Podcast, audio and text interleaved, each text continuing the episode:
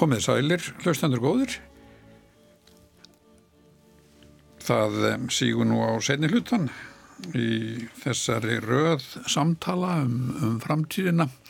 Við höfum komið nokkuð víða við, verið í náttúruvísendum, hagfræði og politík og nú er eiginlega komið að trúni, framtíð trúarbræðana, trúarinnar og kirkjunar og til þess að ræða þau mál þá hef ég fengið hingað að hljóðnumann í dag Gunnar Kristjánsson fyrirverandi prófast og prest í starfandi Íslensku þjóðkjunni í áratví, allansinn starfsaldur.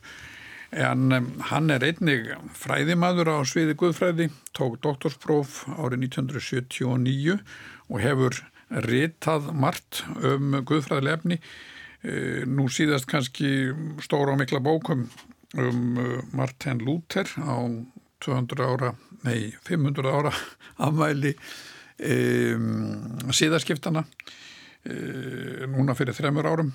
Verður velkomin Gunnar í þáttinn. Takk að þið fyrir.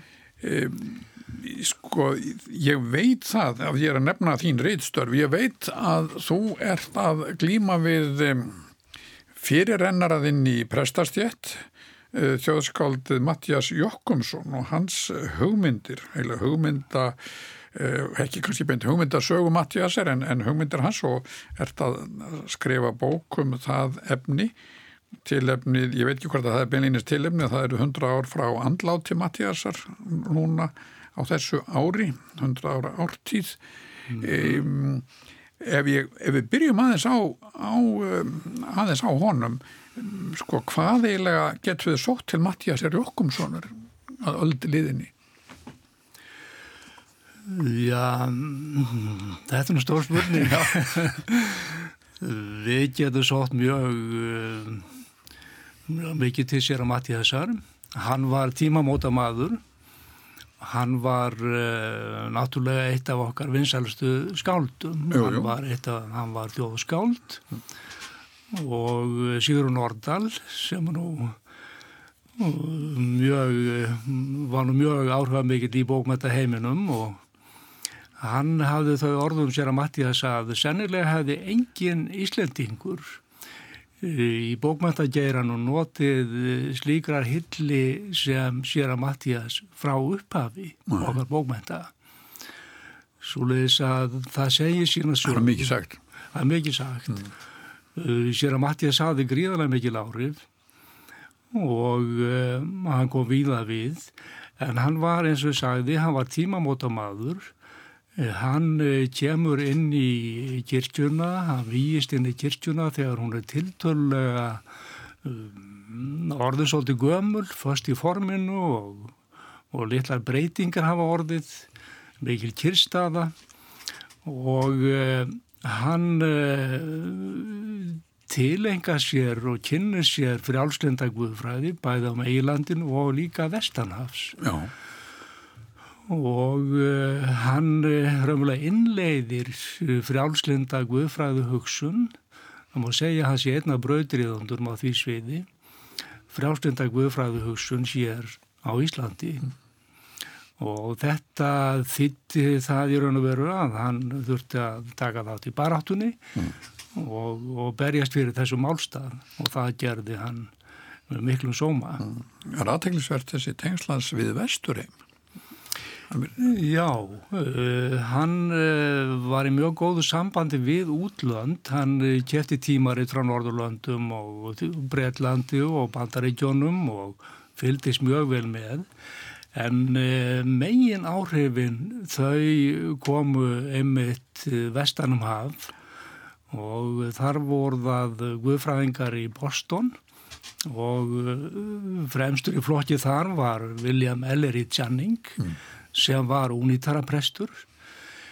Hann var mjög mikill áhrifamadur og hafði áhrif á bókmættamenn og í kringum hann uh, sapnaðist hópur sem að kallaði sér transcendentalista og þeir um, lásu verk Jannings og, um, og hann mótaði að þennan hóp en transcendentalistar voru fyrst og fremst bókmettamenn Já. Og uh, fræðimenn frá þessum uh, frá þessu svæði. Og þeirra fremtur í flokki var uh, Ralph Waldo Emerson. Og þarna voru þekkt skáld eins og Longfellow, Hawthorne og Melville og Edgar Allan Poe og, og svo framvegis. Og sér að Mattias hann þýtti ljóð þessara skálda tölverð mörg þeirra og, og þau voru byrt hér á Íslandi og sem sagt eru í hans rýtsafni En segðu mér, eh, þannig er bókmyndamaðurinn í bland við, við, við Guðfræðingin.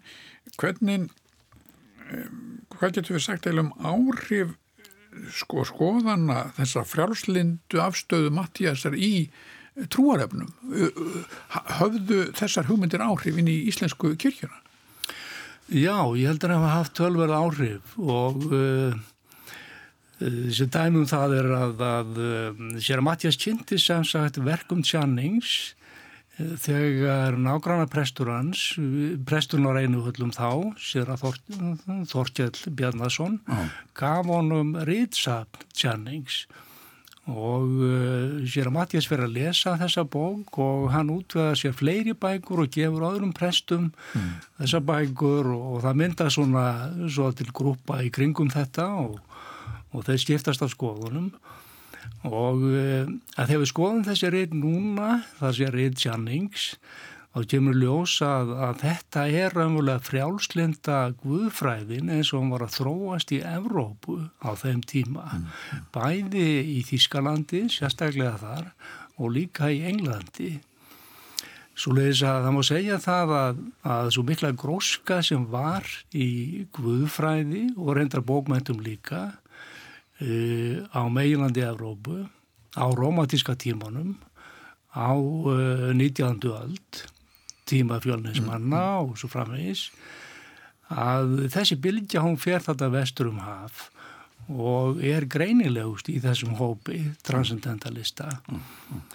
En sér að Mattias hann kynnti sér þessa reyfingu, frjálsendaguðfræðina og romantísku stefnuna mjög vel eins og sagði á þann, bæði í Breitlandi og á Norðurlöndum mm.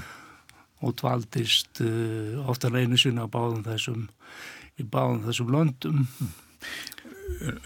Gunnar, þegar við erum að minnast þess að að er hundra ári líðin frá, frá andláti Mattiasar og, og við skulum ekki missa okkur út í bókmynda eða hvað að segja viðtökusöguna eða hvernig hans mm. orðstýr sem sjóðskald sem er þróast en ef við reynum að hugsa aðeins um þessi hugtök eins og frjálslindur í, í, hvað men, í, hvaða merkingu hefur þetta í dag þegar við erum að tala um einhver sé frjálslindur í trúmálum eða íhaldsamur í trúmálum Hva, hvaða, hvaða merkingu hefur þetta hundra árum síðar Þetta hefur nú ekki sömu merkingu eins og tímu Mattíðasar vegna þess að þá var uh, merking þessar orða mjög greinileg. Já. Annars voru þeir sem voru íhjaldsamir í trúalegum og guðfræðilegum efnum og, og lögðu mikið upp úr hjáttningum kirkjunnar og, og kenningum hennar svona gegnum aldirnar. Mm. E, en minna upp úr því sem var akkurat að gerast þá og það sem var að gerast til dæmis um miðja 19. öld var í raun og veru bylting í heimi hugvísindarna og, og sérstaklega guðfræðinar mm.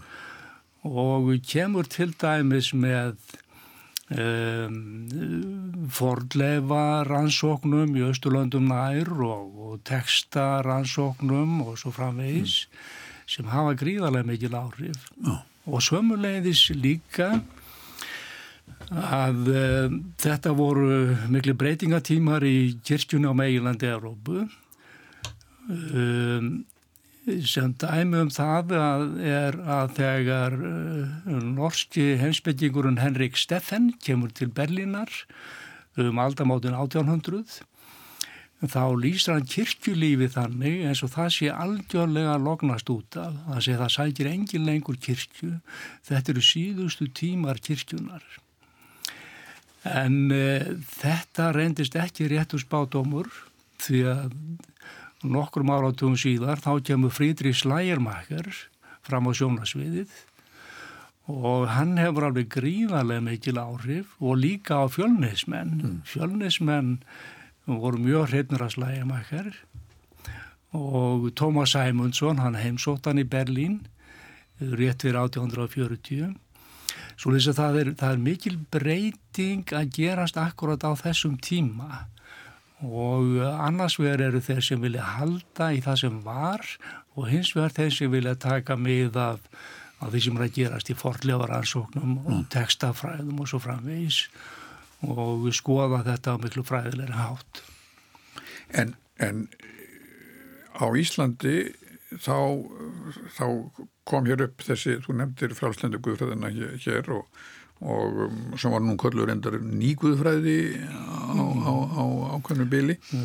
Þessi þróun, sko, ég veit að þú hefur verið dálítið gaggrínin á þróun kirkjunar á Íslandi á 20. stöld. Er það vegna þess að hún var ekki nógu frálslind?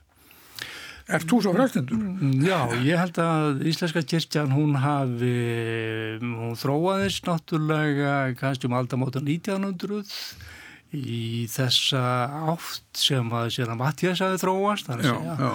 Hún verður frjálslind, hún verður mjög frjálslind kyrkja, til dæmis þegar Jón Helgason er biskup. Já og, og hér og verður það svona framettir öldinni en þá taka við áhrif frá, frá íhaldsamaru öllum til dæmis frá vakningarhefingum á Norðurlöndum, sérstaklega í Noregi og þessi tegund Kristindómsins fyrir að hafa mikil áhrif hér aftur og gera hana svona uh, að veruleiti íhaldsama uh. á ný. En það var alltaf skipting. Þetta voru alltaf flokkadrættir flokkaskipting og sumið presta voru frjálslindir og, og aðru íhaldsamir. Og alveg fram á þennan dag eða fram undir þennan dag skulum við segja Þú segir fram undir þennan dag, hvernig er staða núna? Er, er, greinir þú þessa flokka áfram? Ég ger það nú ekki að vísu eru þetta prestar alltaf, ég meina það er ekki tveir prestar eins og sumur hafa mótast meira kannski af vakningarreifingum og kannski af kristendómi á Norðurlöndum sem er, hefur haft tilnegu til að vera svolítið íhaldsamur en þeir sem koma kannski úr enska heiminum eða hafa mótast af honum ferið framarsnámið þar eða Þískalandi, ég tala nú ekki um það að þeir eru miklu frjálslindari og og hafa þessu pínlítið pínlítið annars nið kannski mm. en e, við getum ekki líkt þessu við það sem var um aldamótu 1900 mm. Mm.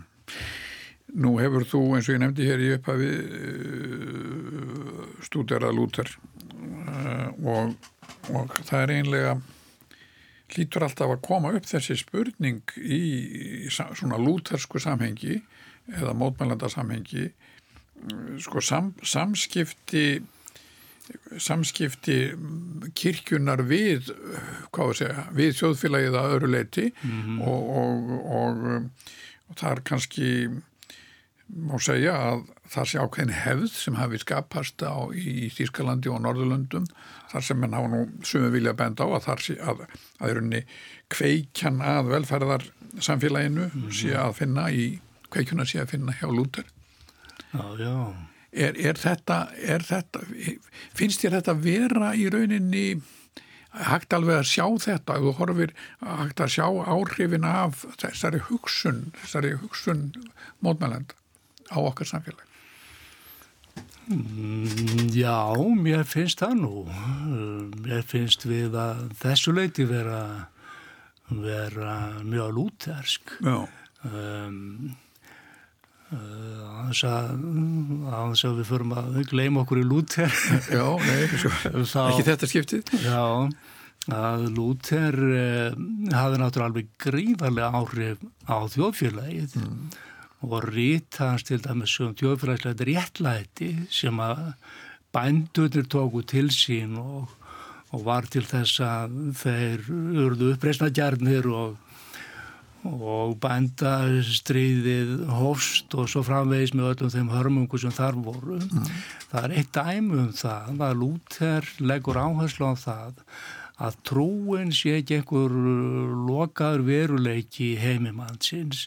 Trúin er eitthvað sem snertir hans einstu vitund, hans einstu sannfaringu og uh, vitund hans um mannúð og réttlæti til dæmis og þetta á allt að byrtast í samfélaginu, mm. ekki bara í skoðunum einstaklinga eða trú einstaklinga eða vitund þeirra um, um lífsitt og, og tilveru, heldur í samfélaginu. Svo leiðis að lúta lítur þannig á að þessi grundvatar þemu trúarinnar um réttlæti, um vonina, um, um mannúð og svo framvegis það eigi að móta samfélagið mm. og það hefur gerst, við getum ekki sagt annað en að eurósamfélag hafi mótast að þessu leiti verulega mikið mm. og meira heldur en annur aðri heimslutar og þar með Ísland Já, nú má kannski segja að, að einmitt þessar hugmyndir að byrtingarform þeirra sem er annars í í mannréttinda yfirlýsingum og sáttmálum og Já. þessuna lögjöf Já. en er ekki, er ekki ákveðin hætt á því að, að, að uh, þetta hafi þetta sem hafi kannski verið hefðbundið sko hlutverk kirkjunar eða þeirra sem predika trú Já. að þetta sé eiginlega komið í komið, þetta sé svo gjörsamlega blanda við að það sé ekki þetta greina neina ströma, þetta sé svona svona dáltið hvað sé að sko, skollit það vatn allt saman? Já, já, að þessu leiti en uh, að öðru leiti ekki vegna þess að, að við sjáum það bara í einu pólitísku umræðu uh, á okkar tímum núna, þessi árin um, þessa miklu flokkadrætti og þessi sterku andstæðu viðþorf uh, annars vegar um réttlætu og mannúð og samvinnu og alþjóðasamvinnu og sangirni og svo framvegs og hins vegar mjög uh, harðsfýr viðþorf til, til eigin stöðu, til eigin áhrifa, til, til, til framgangs eigin sjónamiða og eigin þjóðverðnis eða hvað sem það er að þarna Eh, er okkar tímar með dæmi um alveg gríðarlega þjóðfélagslega og pólitíska pólitíska baráttu anstað sjónamið mm, mm. En, en eru en þegar kemur að vanda sem menn eru sammála um að sé mjög alvarlegur þar svo lofslagsváinn umhverfismálinn er hefur kirkjan og einhver hlutverk þarna? Eða, það, eða er búið er, og eins líka segjum eins og uh, bara bein þjóðfélagsmála sem við kollum vennilega pólitísk eins og mm. ójöfnudur og þess mm. sko hefur kirkjan einhverja innkomið þarna Já, ég held að kirkjan hafa nefnilega mjög mikla innkom vegna þess að uh, ef við lítum á vísindin, ef við lítum á raunvísindin til dæmis það sem að þekkingin hefur sapnast. Um, sko vísindin eru til alls líkleg. Þó geta gert alla skapaða hluti. Þó geta eðilagt uh, andrumsloftið þau hafa kjarnorkuvopnin. Þau hafa kjarnorkusprengjuna. Og við höfum séða bara á 20. öld hvers tæknin og vísindin eru Uh, sko hvað þau geta gert mm. þegar allt fyrir böndunum við höfum séð heimstyrjaldir og við sjáum það vitt og breytt um heiminn styrjaldir og átök og, og frið og, og það er beitt beitt öllum mögulegum tækjum og tólum hvar er henni góðu gildi mm. hver, hver anda yfir þessari þróun hver best gegn þessari þróun Uh, hvaðan kemur það? Það hlýtur eitthvað staðar að, eiga sér rætur og eitthvað, talsmenn. Uh, ég lít þannig á að, að hlutverð trúabræðana meðal annars og ekki síst kristina trúar það sé að tala til samviskumansins, það sé að tala um réttlæti í heiminum, það sé að tala um samúð uh, og mannúð uh, það sé að kalla okkur til ábyrðar til dæmis í samband við lofslægið, mm. í samband við réttlæti í heiminu, í samband við réttlæti í þjófélaginu. Uh, ég nefndi til dæmis uh, transcendentalistan áðan, eitt af þeirra stóru þemum var bara áttan gegn þrælahaldi mm.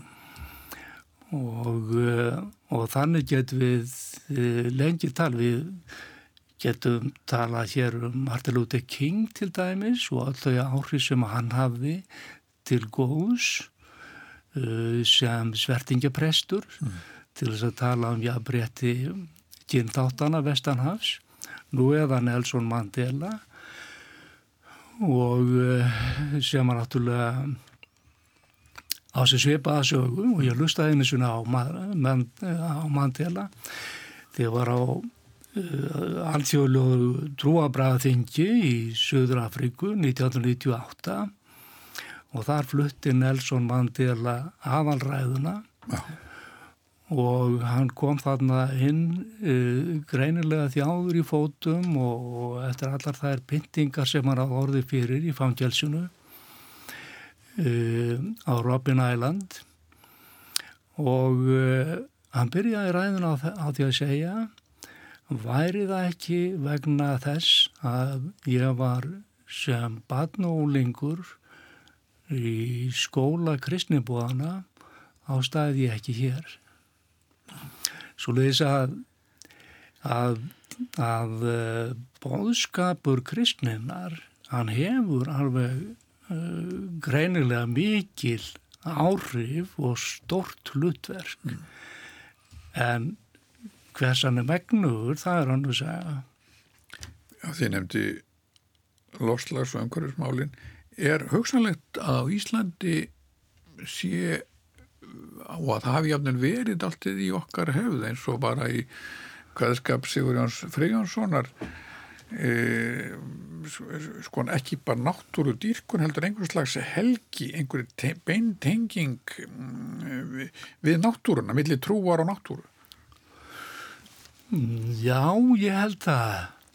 Og um, við um, sjáum það náttúrulega bara í Nýjatestamentinu, í fjallræðinu og orðum Jésu um Liljur Vallarins og allt það að, að þarna er þessi strengur slegin og þetta er náttúrulega í geðingdómnum alveg gríðarlega mikil, á, mikil áhersla á sköpunaverkið og, og, og það allt saman en uh, og líka í trúar hefðinni mm. ef við skoðum til dæmis uh, klaustrahefðina hvað uh, mikil áhersla er lögð á gardana í, í klaustrónum mm. og gardatir gengtu mjög margvíslega hlutverki, þeir voru til fegurðar þeir voru til þess að ganga um og hugleiða. Og uh, þeir uh, átt að vera svona nokk svona ímynd paradísa líka til að minna munkana og nunnurnar á fegur lífríkisins og að þessu þyrta sinna og annars þessa garda. Svo leiðis að, að þetta kemur mjög stýrt fram og ég kynntist þessu sjálfur, var sögumar langt í klaustri í Englandi þegar ég var í Guðfræðináminu. Og uh, þá vorum við í þessari garður til hverjum einasta degi. Mm. og það var ákveðin svona vitund og tilfinning, þetta er ekki bara gardur, þetta er symbol og tákn um uh, veru okkar í þessum heimi líka. Það hefur verið mjög áberandi núna í svona nútíma samfélaginu, verkskiptu nútíma samfélagi að, að hlutverkin hafa grenst mjög og sumir hafa nú nefnt að, að ymsar aðrar stjettir en, en prestar eða kirkjunar þjónar hafi tekið svo svo mikið af hlutverkunum, sálfræðingar, félagsraðgjafar og svo framvegis. Er, er þetta eitthvað áhyggjöfni? Er, er, er einhver ástæð til að óttast það að, að prestarnir eigi ekki beinlinis aðkomu að nútíma samfélaginu? En það held ég ekki, ég held að það sé algjörlega undir þeim sjálfum komið og við sjáum það líka ef við skoðum þetta hvað sem er hér á landi eða annar staðar í nágrannlöndunum að þar er kirkjulíf uh, náttúrulega með ymsu móti að það getur verið mjög öflugt og haft alveg gríðarlega mikil samfélagslega áhrif. Og þar er uh, fjöldi mann sem að lætu sér kirkjustarfi varða og átt að sjá því út af hvað það gengur. Og kemur þánga til dæmis út af þessum grundvallagildum mennskunar og mannlífsins mm. og, og vil eh, leggja sitt að mörgum og þetta sjáum við líka hérna. En eh, auðvitað verfa, getur við ekki annað að fagna því að það séu fleiri sem er að vinna að, að velferðmannsins mm. og eh, en kyrkjan hefur náttúrulega gegnum tíðina uh, verið svona undirströymurinn í í þessum hlutum held ég með að segja þó sé öruglega breytt í nútímanum oh, oh. en það lifum við fjörleiki samfélagi núna og þannig var það ekki gegnum tíðina mm. Sko það var nú lengi vel þannig já að, að kyrkjan já ég nú ekki einokkaðin en hafði því uh, þá ábyrð að, að, að hafa orðið í rauninni að ræða hlutina. Það var gert á, á, á vettvangi kirkjunar og síðan má segja á Íslandi kannski að skaldjana við tekið við. Kannski Mattías Jókomsson hafi verið svona, svona millilegur, svo koma Þorbergur og Haldur Lagsnes og, og, og krefjast þess að, að geta tekið til málsurétt eins og, og klerkarnir. Eru er eitthvað í hugmynda heimi kristninnar sem sem eiginlega sem er þörf á, þar að segja í, í, í, já, í hugmyndaheiminum eitthvað sem er þörf á í samtímanum þegar svo margir vilja taka til máls í þessu fjöleikju samfélagi eins og nefnir. Um, Já, ég eins og segjaði ávan ég held að það séu ákveði grundvallagildi sem að kyrkjana hefur staðið fyrir alla tíð. Og hún, hún sækir þessa ímynd til Nýja testamentisins, til Jésu Og, og þetta kemur auðvitað fram í bókmentum og, og á leiksviðinu og hvar sem er. Mm. Ef við tökum setningu eins og sjá Haldur Lagsnes og sjálfstæði fólki, samlíðunin er upphafins aðeins að söngs. Mm. Þetta er setning sem hefði getað staðið í Nýja testamentinu. Postularnir hefði verið mm, svona góð skáld að orða þetta svona. En... En ég held að við getum ekki sagt annað en að, að frá þessum kjarnna þá náttúrulega berst ákveðin svona mannvitund og samfélagsvitund, samfélagsskilningur. Og, um, og það sést kannski ennþá betur ef, ef við reykjum þetta gegnur í, í sögunni að, að það líði ekki mörg ár um, já, við skulum segja að það liði ekki margar aldir. Fyrir áður en kyrkjan varð ríkistrú í Rómaveldi og þar ægði saman trúabröðum af öllum tegundum og sortum. Mm. og en á fjörðuðal þá er kristnin orðið, þá, þá er, er kristindómurinn orðin þau trúabröð sem rómverska heimsveldi byggir á og það er umverðið þau trúabröð sem að sigra og í raun og veru ferðað oft hannig með kristna trú að hún sigrar vegna þess að hún býr að þessum gildum sem sagan hefur sínt að við þurfum á að halda. Mm. og það er þessu líkil aðriði uh, mannúðarinnar. Um, það er ekki nóg kannski, sko mannréttind er ekki nóg Við þurfum að hafa mannu líka, þurfum að hafa vitund um, um gildi manneskjunar, ekki bara réttindi hennar, heldur vitund um gildi manneskjunar og samfélagsins. Og þetta er ekki á hverju strái, mm. Mm. þessi mannskilningur. Það er stundum sagt að þegar ábjátar virkilega yfirganga yfir heiminn ganga pláur eins og við þekkjum núna og, og uh, áföll, kreppur af ímsu tægi að, að þá hafa mann oft þóst greina mikilvægi trúarbræðana og kannski sko vonarinnar Já. Að, að, þar, að þar í rauninni að, að þá spretti fram ákveðin hvað að segja, ákveðin þörf fyrir fyrir von, fyrir einhvern bóðskap sem ekki er bara bundin í, í hvað að segja, tillögum ríkistjóna til, til úrbóta. Já, einmitt. Um, vonin er eh, eitt af þessum leikil hugtökum trúarinnar og trúarheðarinnar. Trú, von og kjærleikur og, og við vorum að tala um hérna áðan að um, við vorum að tala um Ernst Bloch. Náður en við byrjuðum á kvektum á takkinu. Já, þennan uh, þíska marxista og guðlesingja, heimsbygging, sem skrifaði bókina prinsip Hoffnung, þar að segja vonin sem eigin gildi eða vonin sem megin gildi lífsins.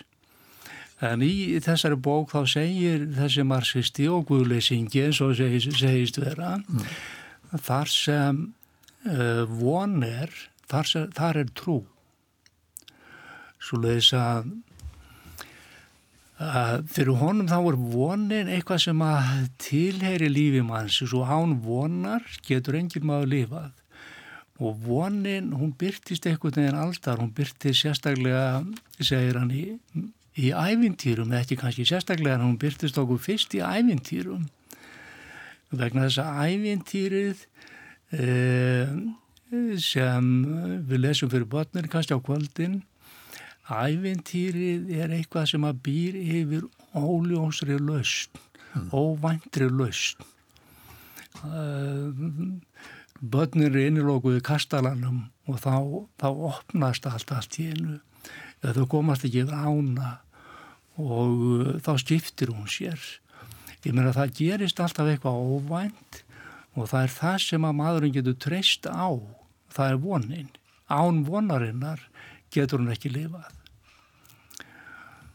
og þessna fer ens blokku gegnum þetta ævintýrin og síni hvernig vonin e, fylgir okkur alveg frá bernsku og án hennar er líf okkar til tullega vonlust mm.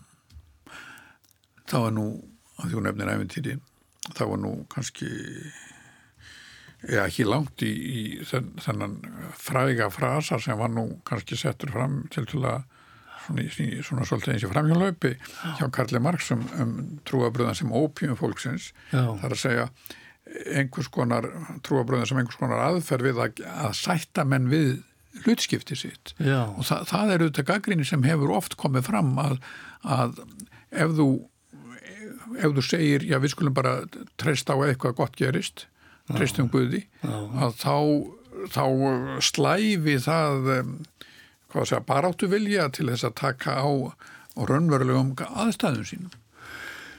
Já, sko, nú, nú er Ernst Bloch eh, sem var nú góður marxisti og guðleysingi og professor og hún raut alveg gríðalega vinsalda. Um, hann er greinlega ekki að sömu skoðun. Nei.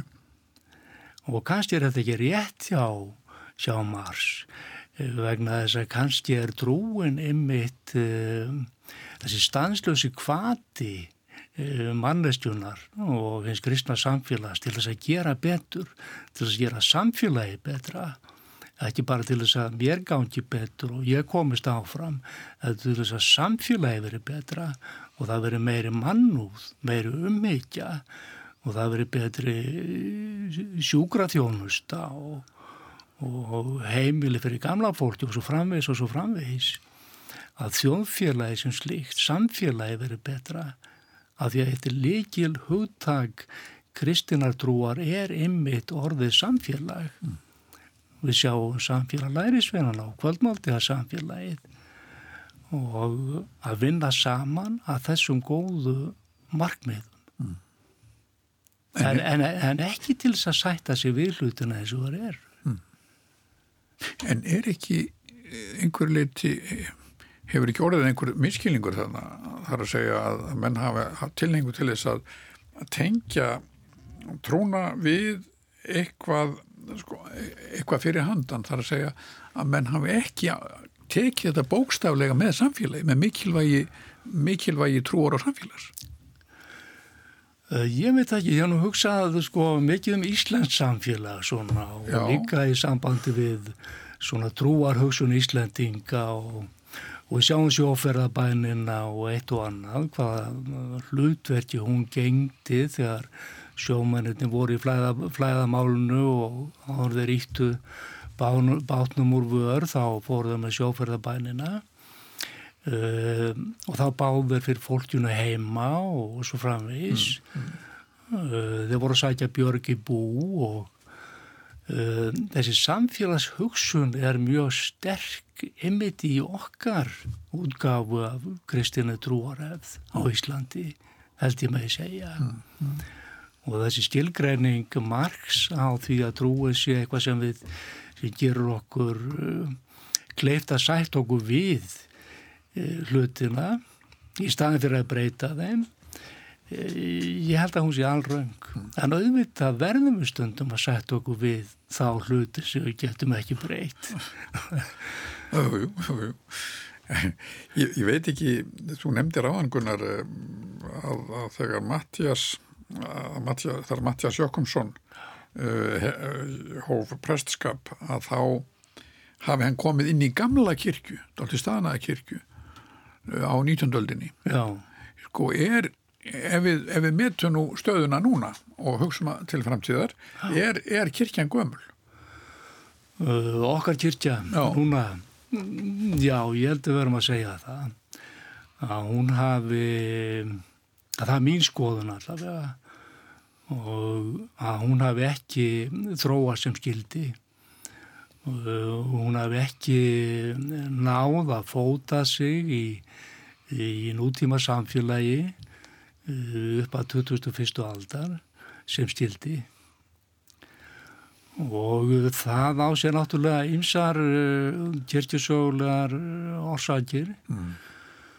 uh, hún byrjaði sem mjög frjálslind kirkja á 19. öld og hafði á að skipa mönnum eins og Jón Helgason eins og ég sagði og, og Sjera Mattías og uh, fjöldin allra mjög mjög uh, góðum prestum og fulltrúum kirkjunar en uh, setna á öldinu þá verða ákveðin kabla skil þegar ári frá sérstaklega kannski skandinavísku vakningarhefingum fara að hafa áhrif á Íslandi að þá breytur hún tölvert með um svip og verður mun innkverfari og skiptir sér minna af þjóðfélagsmálum og verður til dælulega sofandi á þeim vettvangi. Og það er, það er tilröndi sem hafa verið gerðarinn að kirkjunar um þjóðmála, ráð og eitt og annað til þess að tala inn í aðstæðu líðandi stundar að þær hafa allar raunni út í sandin og um, hver ástæðan er fyrir þessu það, það er góð spurning. Um, sem mundur segja að það er fórista kirkjunar uh, það er biskup og kirkjuráð sem hefur ekki verið nógu vakandi og ekki nógu framsækin. Það er guðfræðdeldin segja aðrir hún hefur ekki verið nógu vakandi og guðfræði profesorar hafa raunverulega alveg þagnað með tímanum þeir voru áður fyrir virkir í þjóðmálaumræðinni en nú heyrist ekki í þeim Svo þess að það er ymsar ástæður en, en eh, ég hef ekki svarð á reyðum höndum. Mm. En er þetta, er þér kunnugt um það að, að ástandi sé betra annars þar, þar að segja að, að fulltrúar kirkjunar séu frekar kvattir til til að ræða vandamál líðandi stundar og, og hvernig að taka á lutónum frekar en hér? Já, það held ég alveg öruglega og það sem ég þekki nú best til það eru kirkjumál í Þýskalandi Já. að þar um, held ég og það var nú gerð svo tilraun á kirkjuþingi að taka uppbyggingu þeirrar kirkju, lútersku kirkjunar þar til fyrirmyndar við endurskoður þjóðkirkjulagana hér Já, já. en, eh, og það tókst eh, í fyrstu aðrennu en það er hann fljótt út í sandin uh, ég held að margar kirkjur séu einmitt mjög uh, uh, standi sér mjög vel í þessu að hafa áhrif á þjóðfélagsmálinn vera umræðu vettvangur og hafa getið sér gott orð kallað þeirra fulltrúar kallaðir til hennar ofinberu umræðu og eru virkir þar. Mm. Finnst ég að þannig ætti það að vera í framtíð, að, að í framtíðin þá ætti, ætti kirkjana stefna því og er enda íslenska samfélagið að, að kalla kirkjuna til skrafsar áðagjörða? Já, hún verður náttúrulega sína að hún sé tilbúin til þess. Mm. Hún verður að, að þetta kemur ekki utanfrá, þetta kemur innanfrá. Hún þarf að sína það í störfum sínum Eh, ekki bara í sóknónum eða einstakum kirkjum eh, sem eru sumar auðvitað mjög framsagnar og, og góðar að þessu leiti heldur líka kirkjan sem stopnun þar að segja kirkjur ráð það sem heyrur undir kirkjur ráð og biskup þar eh, á íslenska þjóðkirkjan mjög mikið verk óunnið mm.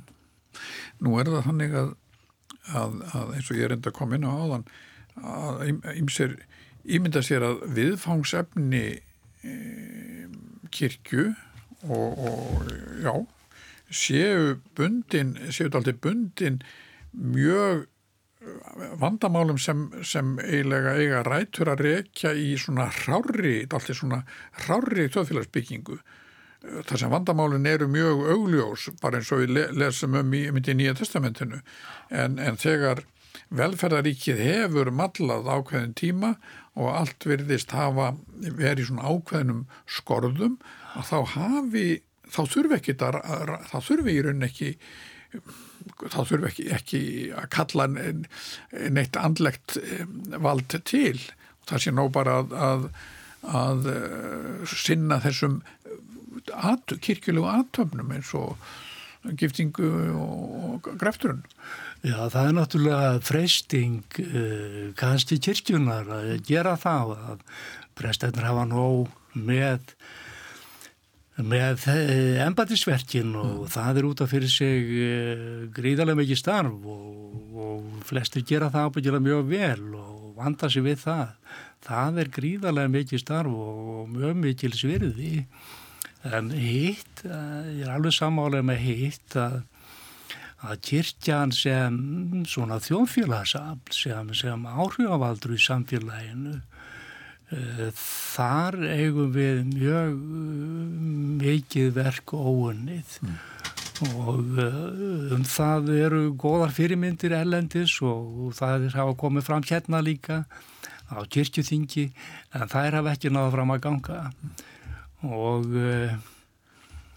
um, ég hef ekki svar við spurningunni en, en, en nú eru nokkur árgunnar síðan þú lérst að presskap mm. uh, og ert á virðulegum aldri og, og, en ef ég ef við ímyndum okkur að ef, ef, þú ímyndar þér að þú væri nú 50 árum yngri en þú ert mm. myndir þú fara í presskap Já, ég myndi ekki hika með það held ég. Ég myndi gera það. Ég hef verið mjög ánæður, mjög sáttur og mjög ánæður með, með að, að vera prestur og presskapurinn hefur verið, verið mér bara mjög mikið lísfylling. Mm, mm. Og, um, en, en finnst þér eins og að þú að þú hefðir hlutverk þetta sem hefur verið í raun og verið að, að, ég verið svona ítæðir í hérna þetta með Já. hlutverkið hvort að það sé einhverju leiti hverfandi að það hafi dreyið úr úr, úr í rauninni þörfinni á þessari stofnun Ég get ekki séð það og ég held að þetta Þetta er náttúrulega undir, sko, annars verður er þetta undir í kirkjunni sem stofnun komið. Mm. Og þá uh, nefni ég kirkjuþing og auðvitað fóristu sögðin sem er biskupinn sem stiftir alveg gríðarlega miklu máli. og ég nefni líka kennara Guðfræði deildar þeir stifta alveg gríðarlega miklu máli mótun og mentun prestana mm. það er ekkert smá hlutverk. En uh, síðan er það bara presturinn sjálfur sem eistaklingur hvað, eh, hvernig hann lítur á sitt starf. Og ég held að geta engin prestur liti á sig starfi eins og, og hverja er að launa vinnu eða það gangi bara til starfa til að vinna sín eh, þau nöðsjölu störf sem að litja fyrir. Hann verður að líta á, á þetta starf sem er skona kollun mm. að hann sé, hann hafi valið þetta starf til þess að framfylgja ákveðnum grundvallar hugssjónum trúarinnar. Og um, og þar höfum við náttúrulega fyrirmynd Jésu og, og það er hlutverk Ég nefndi á þann Martin Luther King mm. og Nelson Mandela, Nelson Mandela var vissi ekki prestur en, en e, þarna hefur hver einasti prestur þetta í sín eigin hendi hvernig hann vinnur sér starf. Mm. Nú hefur komið upp núna á síðust árum, ef, ef, bara svona í lokina þá fyrir þegar við vorum ungir þá var, þá var í rauninni talað um einhver slags um, Eh, sko veraldarvæðingu sem stemdi í rauninni, stemdi þá átt að, að trúarbröðin er þú óþörf síðan hafa maður nú bakkat alltaf með þessa skoðun og því að það hefur sínt sig að trúarbröðin lifa nú góðu lífi en með dálítið neikvæðum formerkjum við það mm -hmm. það er að segja trúar og þá vísa mér nú gærna til þess þegar er svona einhvers slags guðræði þegar, þegar, þegar í rauninni trúarlífið gerir ekki ráð fyrir og gefur ekki pláss fyrir líðræðislega þróun samfélags. Já. en erum við hefnir með, með okkar með okkar lútur Já, ég er lúters maður ég er um, sátur við lúter og hánaði með lúter hann hafði grínalega áhrif og ymmit uh, þessi þjóðfélagslegu áhrif. Og uh, það liði ekki ekki margir áratýr og ekki margar aldir þangar til svo margt spratt upp af síðbótinni og til dæmis og við höfum nú séð það í, í Þískalandi uh, til dæmis uh, pietismin mm. til dæmis þessi mikla líkna reyfing sem að uh, sem er vitt og breytt um Evrópu Það er að segja það frægasta er nú í Halle í Þískalandi sem er nú á þjó, menningaminneskur á saminuð þjóðana. Það er miklu stopnannir sem voru settar þar upp á 17. öld. Það sem er sjúkrahús, mm. elliheimili, badnaheimili, það er allt mögulegt þar. Þetta er heilt þorp, var uppalega heilt þorp, nú er Halle þetta stór borg Og þarna er sem sagt, uh, eru stopnarnir fyrir hérna ímsu svið mm. samfélagsins og allt líknar stopnarnir. Uh, þessar stopnarnir fara kannski ekki mjög hátt, en þær eru um alla Evrópu. Svo leiðis að, að líknartjónusta, sjúkrahústjónusta uh, og alls úþjónusta, hún tók mikið fjörgip með siðbótinni mm. og í kjálfar hennar. Þannig að það var ekki bara það að siðbótin eidilegði e, líknastjónustu klaustrana komið. Nei, nei, hún svo líknastjónustu hefur haldið áfram að sjálfsögðu en e, þessi e, líknarþjónusta sem kemur pietismannum, við þekkjum þetta á Norðurlöndun líka, sem er þekkja Díana Lund til dæmis í Danmörku þar sem eru svona fjöldin allur af á líknastofnunum og sjúkrastofnunum í einu þorpi og uh, þetta, þessi þjónusta, þessi starfsemi er vitt og breytt um alla Evrópu og raunar miklu víðar. Getum við sagt konar í lokin að, að þá að kjörkjansi kannski er aldrei gamul, þá hafa hún hlutverk í framtíðinni? Hún hefur alveg híklaust uh, sama hlutverk eins og hún hefur alltaf haft. Gunnar Kristjánsson, bestu þakki fyrir að setjast með mér hérna við hljónamun í dag. Takk.